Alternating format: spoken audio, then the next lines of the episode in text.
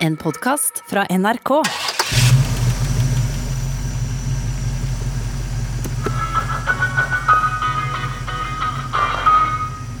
Gi meg fri i kveld. Det var Vazelina Bilopphøggers. Og nå, dere, er det snart slutt. For klokka åtte i dag starter billettsalget til Vazelinas avslutningskonsert. Den aller, aller siste konserten. Klokka åtte fredag 20.9.2019 så starter billettsalget til Vazelina Bilopphøggers sin aller siste konsert noensinne. Ja, jeg fikk en telefon til et busselskap uh, som, hadde, som skulle bestille så mange billetter, vet du. Og det var bare noen minutter etter klokka, klokka åtte om morgenen. At hun dama hun var fortvilet. vet du, Hadde ikke kommet igjennom, hadde ikke fått kjøpt billetter. Og det var jo to turistbusser som skulle ha billett. Og jeg ble irritert. vet du, fikk faen, Jeg hadde ikke vet ikke bandet på radioen, men da bandet jeg, altså, nå har jeg kryssa av feil, og nå virker ikke det elektroniske bildesalget. Men så viste det seg at det var fullt. Resten av bandet tror ikke på den, men de har altså solgt ut Oslo Spektrum på ca. tre minutter. Nei, det var jo helt utrolig. da, at Jeg skjønner ikke at det går an å selge så fort. Men. Og så fikk jeg telefon, og da var det NRK som skulle ha kommentar på at Spektrum var utsolgt. Så sa jeg det er ikke mulig. Eh, Jeg, skal, jeg må ringe Spektrum. Og så sier han du, nei, det, det, det tror jeg ikke stemmer. Det må jeg finne ut av. Jeg skal ringe det opp igjen. Så jo, jo, det stemte. Det har gått på 1, 2, 3. Spektrum. Og da var jo det største helommening, iallfall i psyken, på noen gitarist i Norge, tror jeg. Fra det mørkeste svarte helvete til og fullt hus på Oslo Spektrum. Og da begynte vi å ringe, da. Og så fant vi ut Fader, vi, skal vi legge ut en til, da? Og så gikk den like fort. Og da tenkte jeg jøsse navn. Nei, da, Jeg skjønte jo egentlig ikke hva som foregikk. At et rockabilly- og underholdningsband fra vestsida av Mjøsa med en gjeng smått merkelige karer skulle selge ut Oslo Spektrum to ganger på én dag, var det ingen som trodde på forhånd. Og det 13 år etter at de i det hele tatt ga ut noen plate. Hvorfor er Vazelina Bilepuggers så populære? Jeg heter Audun Kristiansen, og dette er del to av eventyret om Vazelina Bilepuggers. Jeg hadde min eh, utdannelse å, gjøre. Vaselinas første plate 24 timers service selger over 100 000 eksemplarer i 1980. Men allikevel så slutter flere av bandmedlemmene. Bassist Torbjørn Nikolaisen er den ene. Jeg var jo den eneste som var gift og hadde unger, til og med, så de var ikke der ennå. Vokalist Bjørn Berg han har allerede slutta da bandet blir overrakt trofeet for 100 000 solgte. Det var fordi at jeg har egentlig hatt eh, andre interesser og ting som jeg ønska å satse på sjøl. Var du komfortabel med å stå på, på scenen sånn i front foran mange folk? også? Det tror jeg faktisk jeg skal svare ganske kontant på. Det var jeg nok ikke. Ting tok jo av noe så voldsomt. Altså, det var jo ganske sprøtt en stund, faktisk. Og det, så det var, det var litt krevende, altså. Hey, vi prøver å finne en ny en. Gitarist Eldar Vågan. Og da gjorde vi, vi fant en ny en, for det at jeg var jo på Beachstrobe innimellom på torsdager på Torvetten på Gjøvik. Og der var det en som het Viggo Hansen, som underholdt med trompet og trekkspill. Og så var jo Høggern og Eldar var jo innom der og tok seg en øl, ikke sant? og så ble jo pratet vi på noe, da. Jeg tror jeg vet om jeg som kan være med som vokalist, sa jeg Atmelsen. Der var han Viggo. Viggo Sandvik Hansen er da allerede en rutinert musiker som er kjent som vokalist i flere store lokale band på 70-tallet, som f.eks. Howards og Bruno. Der synger han sammen med May-Britt Andersen.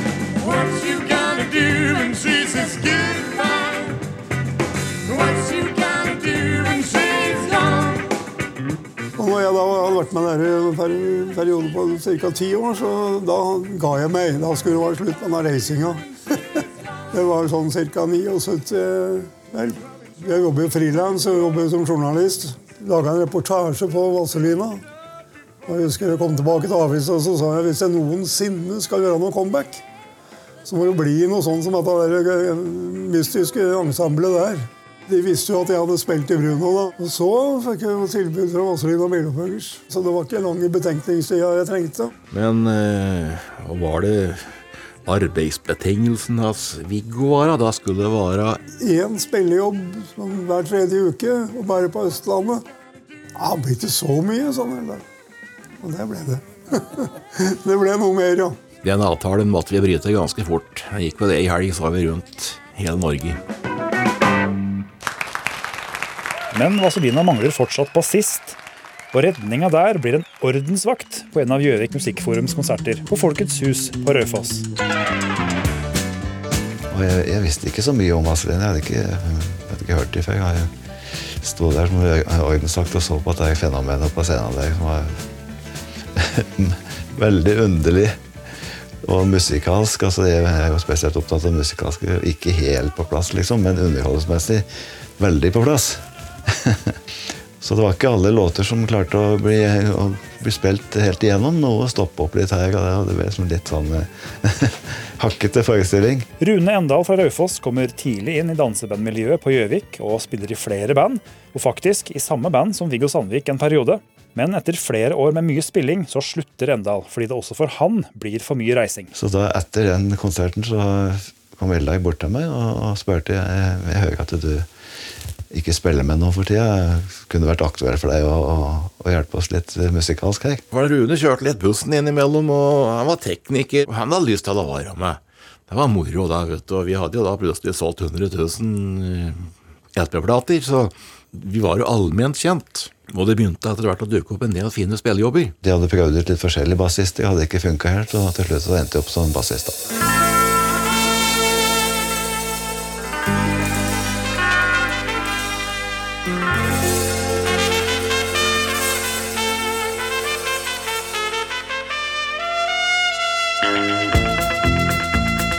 I 1981 går det som skal være Vazelina Billapuggers i ca. ti år framover i studio.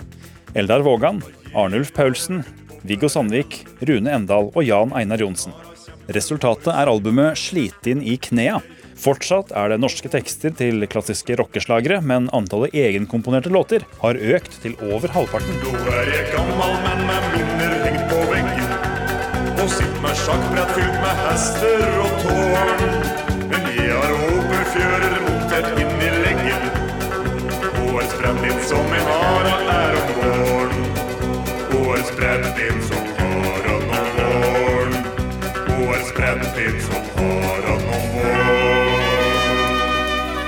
Jeg tror, jeg tror det er litt sånn med instrumenter at uh, instrumentet velger deg.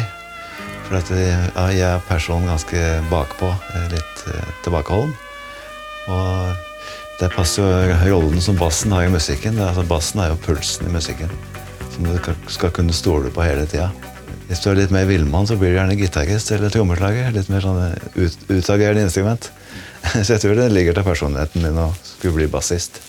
Vi så jo litt opp til dem, sant? for at, eh, sånn som en Viggo som spilte i Bruno. Korist, saksofonist og farfisa-orgeltraktør Jan Einar Johnsen. Ja, det var jo rene kanskje for å være et av de beste bandene på Gjøvik. Det var jo veldig godt musikkmiljø der.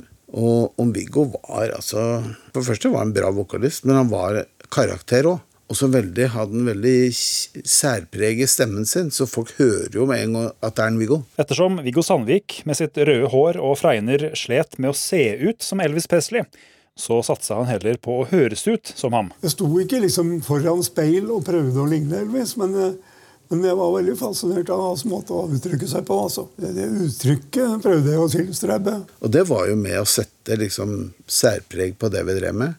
Og så kom Rune til da, med rutina si og den type musikanten var. da. Så du var jo med på å forme, forme bandet. De hadde jo innspill og liksom, repertoar og slike ting. da. Men da måtte vi disiplinere oss litt òg. Da måtte vi sette sammen programmet mer profesjonelt. Det ble litt mer schwung over det. Det var like rent eh, teatralske ting. At det er bare én ting som skjer på setet samtidig. At når Viggo synger, så ser vi på han, og er det gitarsolo, så ser de på meg, og så hadde vi fottrinn og, og slike teatralske arrangementer da, vet du, på nesten hver eneste låt. Så det verbale var jo etter hvert en ikke ubetydelig faktor. Men Viggo eh, altså, han var jo en eh, Det var jo like spennende hver eneste konsert og som kom fra ham, For han, det var jo, han er jo et oppkomme av ideer og rare innfall. Så det var jo flere ganger vi, vi liksom måtte stoppe og stå og gliste, liksom, for det var ikke mulig å komme videre. Så rent sånn prat mellom låten og slike ting ble nok ikke så mye mer disiplinert med Viggo, men, men det er klart at musikalsk ble det helt sikkert strammere og, og ja. Men det skulle være et show med Vazelina. Vi skulle ikke så spille dansemusikk, eller spille til dans. Men eh, det var jo så folk danset, så vi satte jo sammen programmet så folk kunne danse hele tida. Og da gjelder det en dag i dag at folk skal kunne danse hele tida.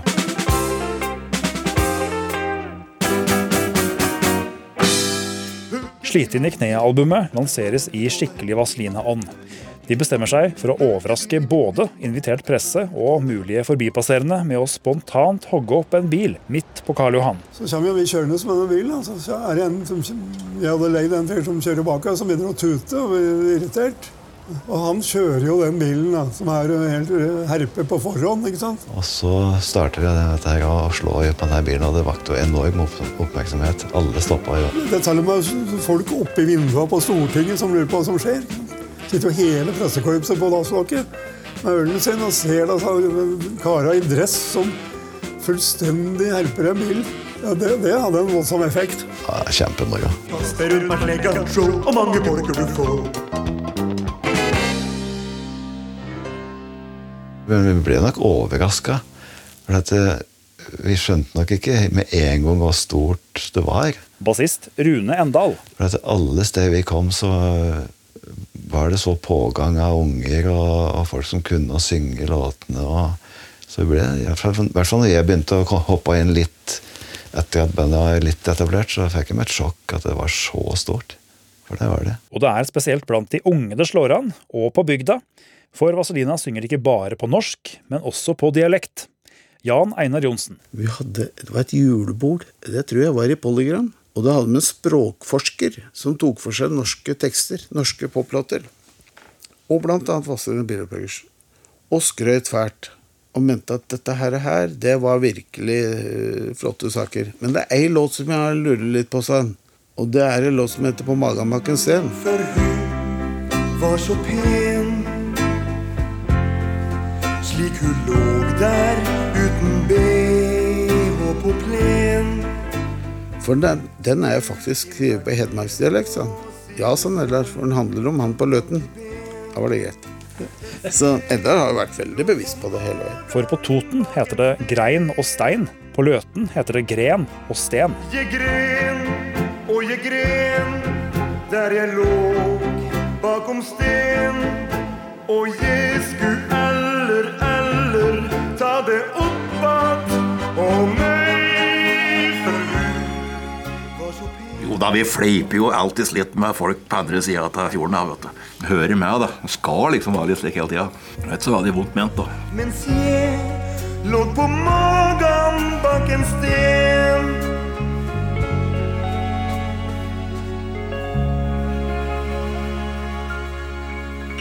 Dialektbruken til Vazelina får stor betydning, og det kommer vi tilbake til senere i denne serien. For det er en del av stilen deres. En stil som ikke er tilfeldig, sjøl om det kan se sånn ut.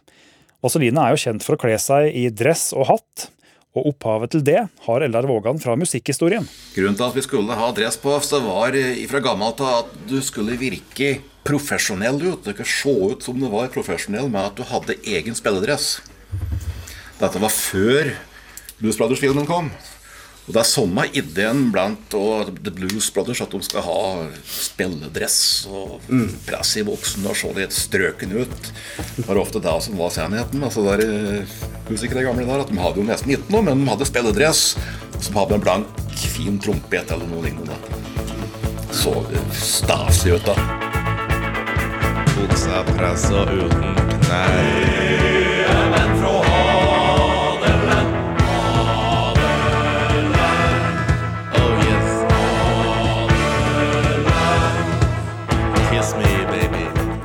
Det var slik forbindelse.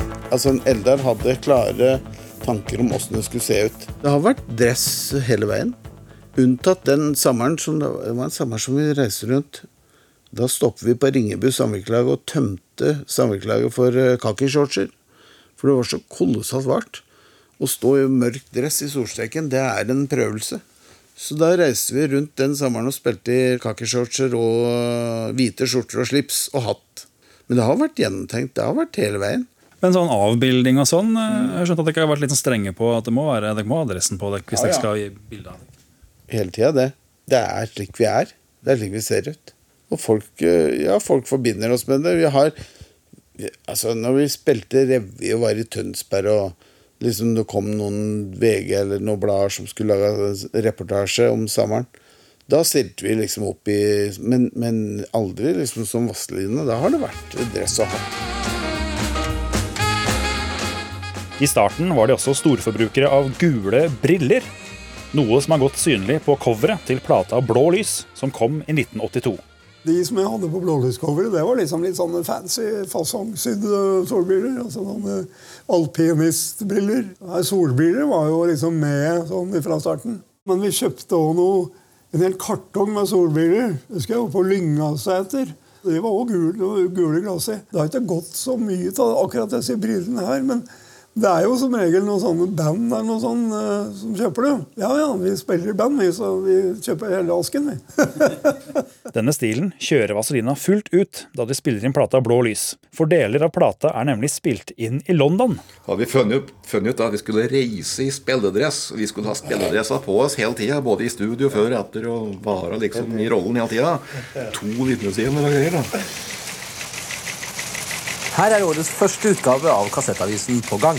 Åpningsmelodien er laget av ingen ringere enn Vazelina Bilopphøggers. I Vineyards Studios i London spiller Vazelina inn tre låter. På gang til På gang-kassettene som VG ga ut på 80- og 90-tallet.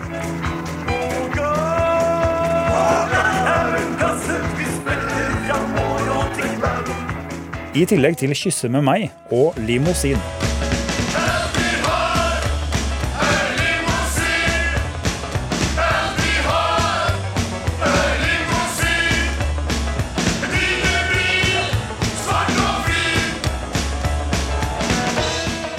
Som nå så er Vaselinas limousin en del av pakka. Derfor er den også med over til England.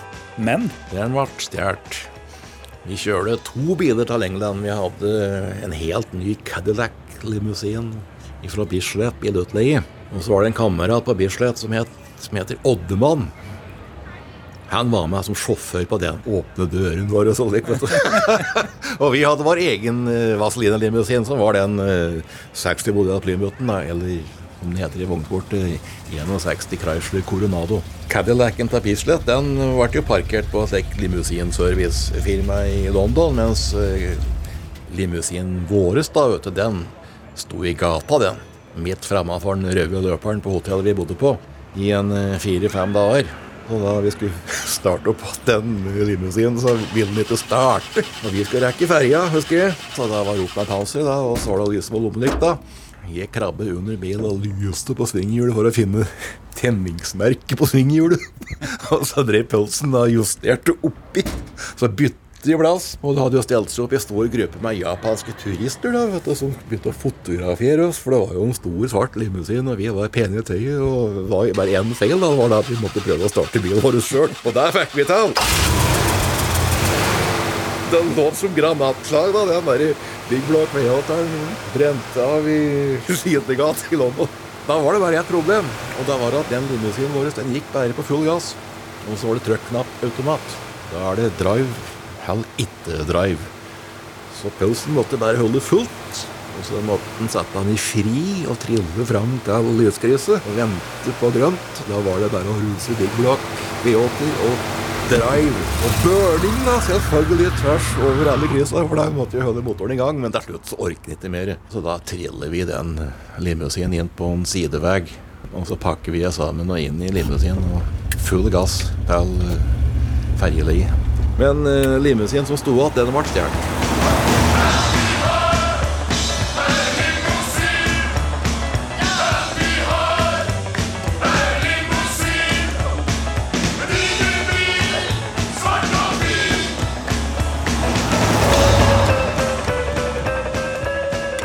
Full gass til ferjeli. Bokstavelig talt full gass. Så lenge det holdt, det holdt vel to kilometer før det kom en kortina med politimerker på sida.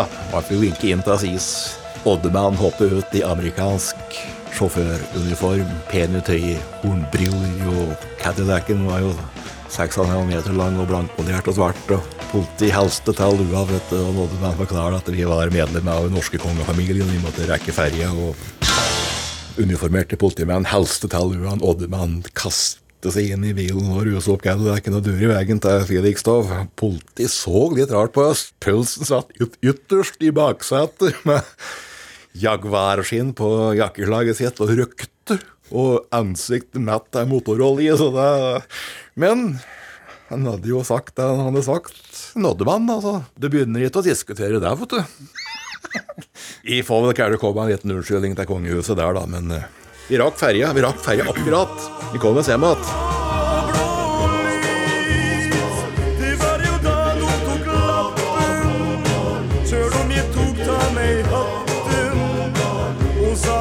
Gi bare vann. Låta 'Blå lys' med Vazelina spilles fortsatt på radiokanalen NRK P1 i dag. Men sjøl om låta har gått jevnt de siste 40 åra omtrent, så skaper den fortsatt kaos i diverse sendinger. For låta høres nemlig ut som den er ferdig. Men så kommer et børseskudd av et trommeslag helt på slutten. Og da er det mange programledere som allerede har begynt å prate. En bra start på dagen med Vazelina. Ja, Det er aldri feil. Det er aldri feil. Oi! Vazelina der kom. Jeg blir alltid overraska av det trommeslaget helt til slutt der. Vazelina Billopphøg, altså, jeg skjønte det kom et eller annet. Boing. Der Den- den- ble en. Jeg blir, alltid lurt av den der. Det med bang, sa han der. Den glemmer jeg alltid. Den er bilopphøggers. Hei, der fikk vi et smell på slutten. Den kom i dag òg, den. Jeg gjorde det. Egentlig. Oi, der var han ferdig. Det som skjedde, den eksplosjonen som skjedde med Vazelina, det var et eventyr å være med på. Bassist Rune Endal. Ikke sant? Vi gikk jo helt til topps så langt du kan komme i Norge som musiker eller artist. Og i tillegg så var det jo en veldig kreativ kjemi blant oss i, i bandet, så det, det skjedde ting på den riktige måten hele veien, liksom. Du kan ikke ha fem superegoer eller supermusikere i et band, ikke sant? Det skal være folk som passer til hverandre og utfyller forskjellige oppgaver. Og det tror jeg vi traff ganske bra på Vazelina på 80-tallet. Eldar har alltid vært den ubestridte lederen eh, og den største kreative kilden. Men så hadde jo folk litt forskjellige egenskaper. Da. Det viste jo seg etter hvert at eh, Arnulf, som eh, jo var forretningsmann i Høggeri, han hadde jo litt forretningssans, så han tok seg av det økonomiske. For Arnulf Paulsen, høggeren, han er bilopphøgger på ordentlig. 71 begynte jeg med det hjemme på Garnas far. Jeg begynte i garasjen. Så jeg kjøpte en bil for å plukke det fra den, for å se åssen den var satt sammen. Jeg hadde ikke noe erfaring. Så, så fikk jeg solgt noen deler til den. Til noen arbeidskamerater. Og så fikk jeg tak i den her i et på Eina. da. Steinbruddet der. I 73. Da sluttet jeg på Mustad og begynte for meg sjøl. Høggeren var, var ingen eh, spøk å, å, å liksom prøve seg på han altså, når det gjaldt økonomien. Det var, da var han bestemt. Jan Einar Johnsen. Så, og hadde fryktelig orden i sysaken, og du kunne jo skru klokka etter hvert. sant? Og veldig stolt etter at ting skulle være i orden. Og det har jo vært med å Ja, hjertet til det òg. Det har aldri vært noe liksom rot, rot i så måte. Jeg har jo litt sånne praktiske evner da, og organisatoriske evner. Og hadde kontakt med sponsorer. Bare. Vi hadde hele tida sponsorer som Hoff opphøgde poteter. Det er et begrep eh, den dag i dag. Det hadde vi en stor avtale med, og med forskjellige bilprodusenter og eksosanleggprodusenter. Og ja, gud veit hvem vi ikke hadde sponsoravtale med.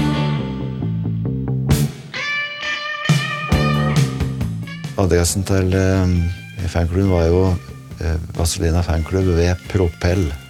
2850 Lena. Og Propell han jobba en periode i Høggeri til Arnulf. Og han, det var egentlig han som startet fanklubben. da. Jeg hadde jo noe jævlig Vazelina-deler, da. Ja, det tok jo helt av med en gang der, da. Morten Dahl, som han egentlig heter, er mest kjent under navnet Propell, så vi kaller han for det. Han blir kjent med høggeren som mekaniker, og blir med Vaselinas forløper Bajasj som hjelpemann, og videre med Vazelina, hvor han på flere måter setter preg på bandet og inspirerer. Så startet vel opp den her i fanklubben Bonum etter de begynte, og det, ja, det tok jo helt av. Jeg tror det ble eh, Norges største fanklubb på under ett år. Vi fikk jo brev fra utlandet og alt, vet du. Det kom jo rett hjem til postkassa mi. Den yngste broren min, en Jørn, han tok over etter meg, og så ble det mor og far. Og da De fikk i hvert fall flere hundre brev på det meste. De hadde mye jobb med dette. Det var ikke data eller noe, vet du. det gikk jo manuelt alt dette, så de Men de koste seg, de også. En Rune og en Jørn, de ble eh, kompiser og godt kjente hverandre, så de drev noe i lag, da. Det begynte å ta av så mye, og da de passet bedre i hopet selv at jeg skulle drive med det. Så da begynte vi å lage litt effekter. Og folk ville jo ha autografer, de ville ha plater, de ville ha klistremerker. Lagde fanklubbavis for fanklubben. og klart Det var jo veldig viktig markedsføring. Så i tillegg til den markedsføringa som plateselskap og bookingfolk gjorde, så var jo det veldig viktig til å etablere bandet. En Eldar og jeg, vi hadde jo samme humoren, da. Om bygdeoriginaler og litt kalde historier, da. Som en daga jævlig rå låter ut av, da. Så det, det digger jeg. En av disse bygdeoriginalene som Eldar Vågan lar seg inspirere av helt siden før Vazelina Billepuggers starter, er en Egil. Han var fra Kapp og ble ofte observert syklende på damesykkel. Han og det gode humøret hans ble ofte midtpunktet på fest, og han var en god venn av Propell. Egil var mye hjemme hos oss og fikk mat og godt drikke, så vi har hatt uh, mye trivelige stunder.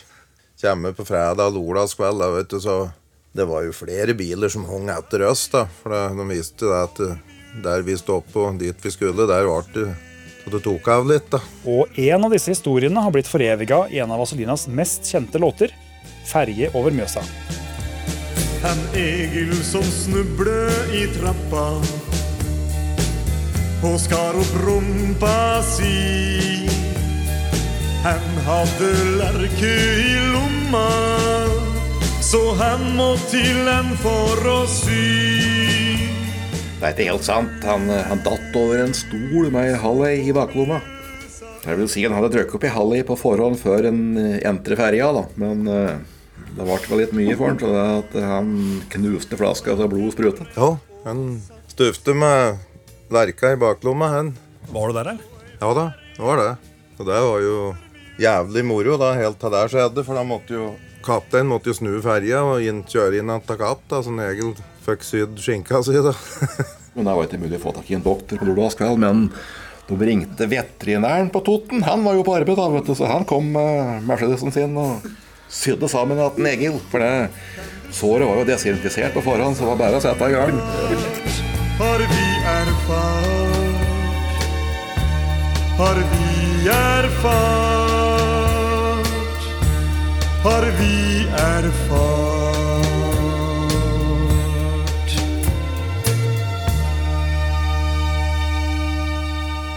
Vazelina Billepuggers gir ut én plate i året de første åra. De satses på, de har som nevnt blitt sendt til London på innspilling, og produksjonene er påkosta. Det var jo eh, satse hele tida. Altså, Eldar skrev jo så blekket spruter. Det var jo ikke alle liksom, perioder i studio som var like lystbetont. Vi satt jo og ventet på at det skulle komme noen tekster, eller vi hadde jo kanskje spilt inn grunnkomp og begynte å bygge opp låta, liksom. Satt og ventet på tekster. Og tekstene var veldig ofte ikke ferdige. Så vi spilte jo ofte inn mange kompa uten at vi kanskje egentlig visste melodilinja òg. Og var, da var det gjerne Ella kom løpende med en serviett med noe akkorder på som jeg spilte etter når jeg spilte inn låten i studio. Jeg husker det var en, en periode som Eldar jobbet som lærervikar på Lena. Så satt han og ringte inn tekster da, mens vi, mens vi var i studio. Og det var vel litt frustrasjon hos Viggo blant annet, som skulle, skulle synge. Jeg skulle da synge en låt som ikke var ferdig, verken melodi eller tekst. Og så skulle, så skulle jeg ligne på en sanger jeg ikke hadde hørt om. Så det var jo øh, ikke alltid like lett. Det, altså. Sitte og stå alene der ute i et sånn halvmørkt, stusslig studio blant forsterkere og mikrofonstativer. Det skjedde jo ikke på alle låter, da, men noen låter var jo mer eller mindre ferdig. Så det var, jo, det var jo greit. Men eh, de låtene som ikke var ferdige, og teksten som ikke var ferdig, og den sangeren jeg ikke hadde hørt om, da øh, var jeg liksom litt småfrustrert, ja. Hva er det som rimer på helg? men jeg ser jo for meg Det å være skapende kunstner er jo ikke like lett. er det? Men, men vi tok jo den tida vi trengte. Vi hadde jo best de beste folka til å hjelpe oss i studio. Vi brukte jo at vi var i Rosenborg studio, og der var jo alle de, de, de fremste på den tida i musikkretser. Så vi brukte jo ja, til og med Eldar. Hvis han følte at det var noen gitargreier som han ikke syntes han fikk helt til, så var jo Svein Dag Hauge og, og Marius Müller eh, ikke sant, var innom og hjalp til litt. Og vi brukte jo litt ekstra musikere hele veien. Men Eldar og jeg var jo med på alle innspillingene. da. Altså Sjøl om eh, Vazelina framstår som eh, tullball ikke sant, utad og bare morsomheter, så akkurat innspillingene var, det var på mest alvorlig. Det ble tatt veldig alvorlig. Og det er kanskje en grunn til at det, at det har overlevd helt til i dag. At det, at det faktisk var godt håndverk.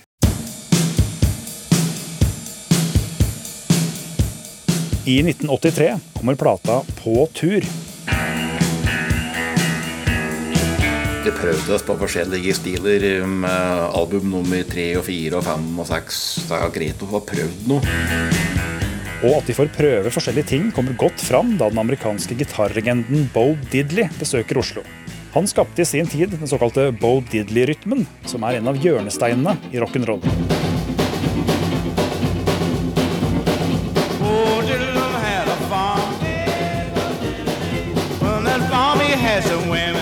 Vi fikk jo greie på at han var i Oslo, da. Og han Eldar hadde jo laga ei sånn Bo- typisk Bo Diddley-låt. da. Så fant vi ut at vi skulle prøve å spore den opp, da. Og høre om vi ville være med på plateinnspilling.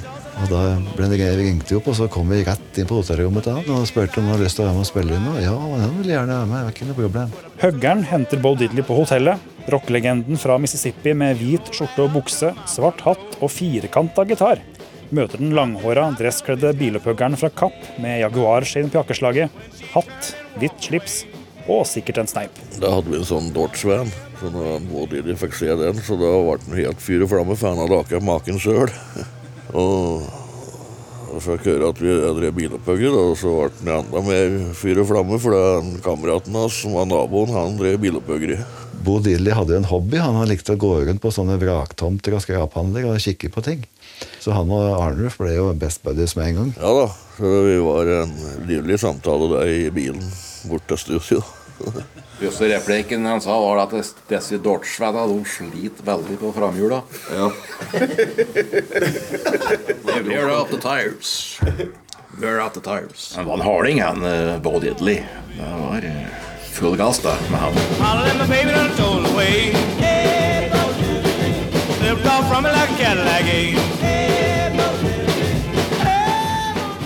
Hadde en eh, manager med solid gold Rolex-klokke som var litt nøye på penga. Ja. ja, han måtte ha oppgjøret før han plugget i gitaren.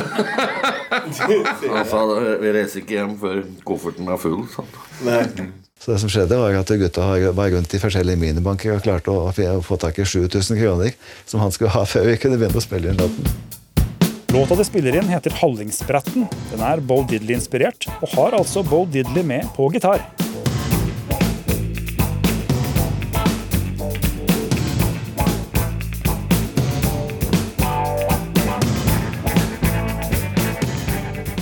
Meg det dyna, For gjorde ikke det? Jo, skal du dyne din? Ja. Sier du det? For det er sånn som var helt topp. Ja, ja, Den Han har jeg aldri opplevd før. Har ikke det blitt det, vet du. Kjøpte ordentlig din til? Ja, Ja, ja. Dobbeltdyne, så han skal ha når kjerringa skulle ligge sammen. Det han ønsker seg, det han prater fælt på, så dyna.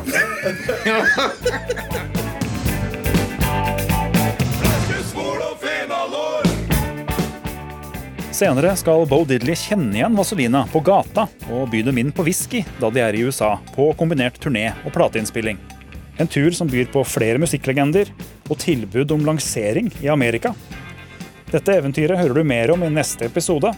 Da får du også høre at tegneserien om bandet forsterker imaget deres ganske kraftig, og hvordan Vazelina lager en av sine aller største hiter. Pølsen skar ut surfbrett og fikk en toms laminatplåte. Tror det våg 200 kilo. Vi måtte ha fire menn for å klare å løfte det. Så datt vi, vet du. Rune fikk jo surfbrett i nakken. På bli drept. Står det foran speil, kjemper sveisen min. En ny pressebukse, ta gabardin. Og spiker sveis, blir det bare ball.